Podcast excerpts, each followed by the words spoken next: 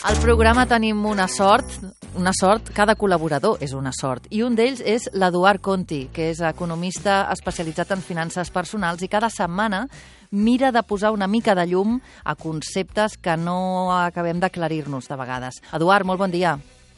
Molt bon dia, Emma, què tal? Avui em sembla que fem taxa d'atur. Avui farem, sí, avui parlem de la taxa d'atur. I En, en els, mira, als països hi ha, hi ha com tres dades de les quals sempre estan molt, molt pendents, da- dades macroeconòmiques, que són el creixement econòmic, el Sí. PIB, el- l'atur i la inflació. És com si diguéssim l'analítica bàsica de salut econòmica d'un país o d'un territori. Aleshores, les polítiques econòmiques bàsicament el que busquen és estabilitzar aquestes dades, és a dir, que hi hagi creixement econòmic, que hi hagi un atur petit, eh? és a dir, que molta gent treballi i que la inflació estigui també sota control. I com que de les altres ja hem parlat, de les altres dades, avui toca aquesta, la taxa d'atur. Eduard, quines dades es publiquen habitualment sobre l'ocupació i, i l'atur? Mira, la, la, la principal és l'enquesta de població activa, que segurament hauràs sentit a parlar, es publica sí. amb una freqüència trimestral, és a dir, al final de cada un dels trimestres, i el que fa és, eh, donar, és una enquesta que, que es fa a 65.000 llars, i el que fa doncs, és donar-te les dades de- d'ocupació. Et diu, doncs, d'una banda, quina és la població activa, que és la, són les persones en, en edat de treballar, que estan laboralment disposades a, a, a tenir feina, Sí. és a dir, que la tenen o que l'estan buscant. Llavors, a partir d'aquí es treu una xifra de, de població ocupada, és a dir, persones que la setmana anterior van treballar com a mínim una hora de forma remunerada, això es, es considera en aquesta enquesta una persona ocupada, Ostres, Sí, tan poc com això. I la població aturada són persones que no treballen, però que estan disponibles per treballar i que estan buscant feina. Aleshores, això seria la EPA, eh, que és la, la, la principal. Després també es publiquen les dades, amb una freqüència mensual en aquest cas, sí. les dades d'atur registrat i d'afiliació a la Seguretat Social. Les d'atur registrat són les persones aturades que estan registrades, en el cas de Catalunya, a les oficines del Servei d'Ocupació de, de Catalunya, a les dir, oficines de treball. que consta que no tenen feina en aquest moment. Sí, són persones que no tenen feina i que estan apuntades a l'oficina de treball. Clar, perquè hi ha molta Sí. gent que no té feina però no està registrada, no està apuntada. En aquest Exacte, cas són també- les apuntades. Val. T'has d'estar apuntat, exacte. I després hi ha les dades d'afiliació a la Seguretat Social, que són les persones treballadores afiliades i en situació d'alta a la Seguretat Social. És a dir, que les persones que estan treballant. D'acord. Per tant, tenim la EPA, eh, les dades d'atur registrades i aquesta afiliació. Aleshores, Mhm. quina referència s'utilitza més quan es parla d'atur, Eduard?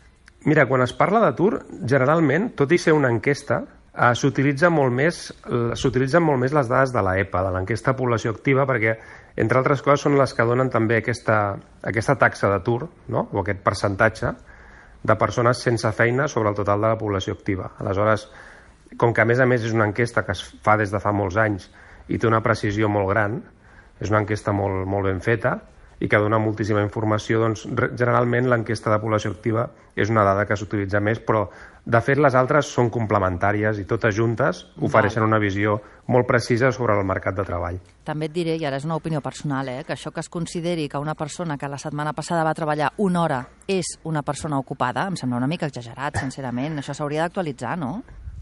Sí, però fixa't que aquí el, el que intenta identificar és quantes persones d'un país estan disponibles pel mercat de treball. Val. són les persones que poden anar entrar i sortint, no? O sigui, pot haver-hi gent que estigui en una situació laboral molt precària, com aquesta, que portat a l'extrem treballa una, Una hora, hora. en una Mm. setmana, però al final és una persona que està activa laboralment.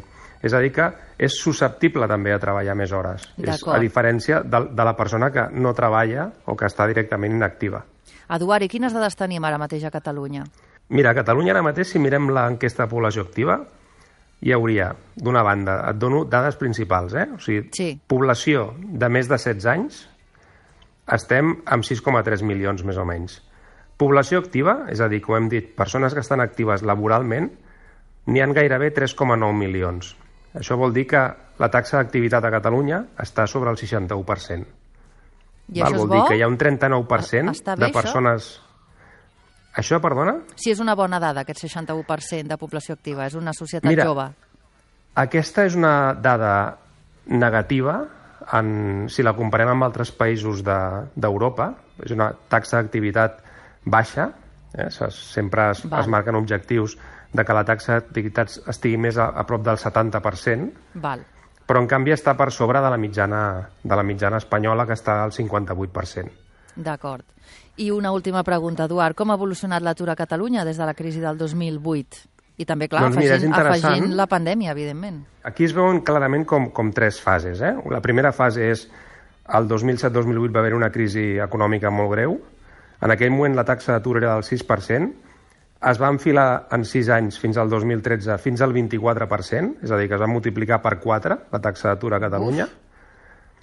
Del 2013 fins al moment de la pandèmia va anar baixant de mica en mica del 24% aquest, que va ser el tope, fins al sí. 10% de principis del 2020, i, I ara, ara a, a causa de la pandèmia, doncs, hem acabat l'any passat amb un, gairebé un 14%, i les expectatives d'aquest any, que són molt incertes, com bé saps, doncs estarien entre el 16 i el 17%. Eh? O sigui que estaríem, clar, hauríem revertit a causa d'aquesta pandèmia eh, aquesta tendència positiva d'anar reduint a poc a poc l'atur. No estem als nivells ni molt menys del 2013, tal com deies, però vaja, sí que del 10% al 14 són 4 punts i vés a saber com anirà evolucionant el que deies ara, aquest any. En fi, avui Clar. hem conegut una miqueta més eh, què significa quan parlem d'atur i de dades d'atur o de taxa d'atur. Ens ho ha explicat estupendíssimament l'Eduard Conti, com sempre. Eduard, moltíssimes gràcies. Gràcies a tu, vagi molt bé. Ell és economista especialitzat en finances personals i si el necessiteu el podeu trobar a contieconomia.com.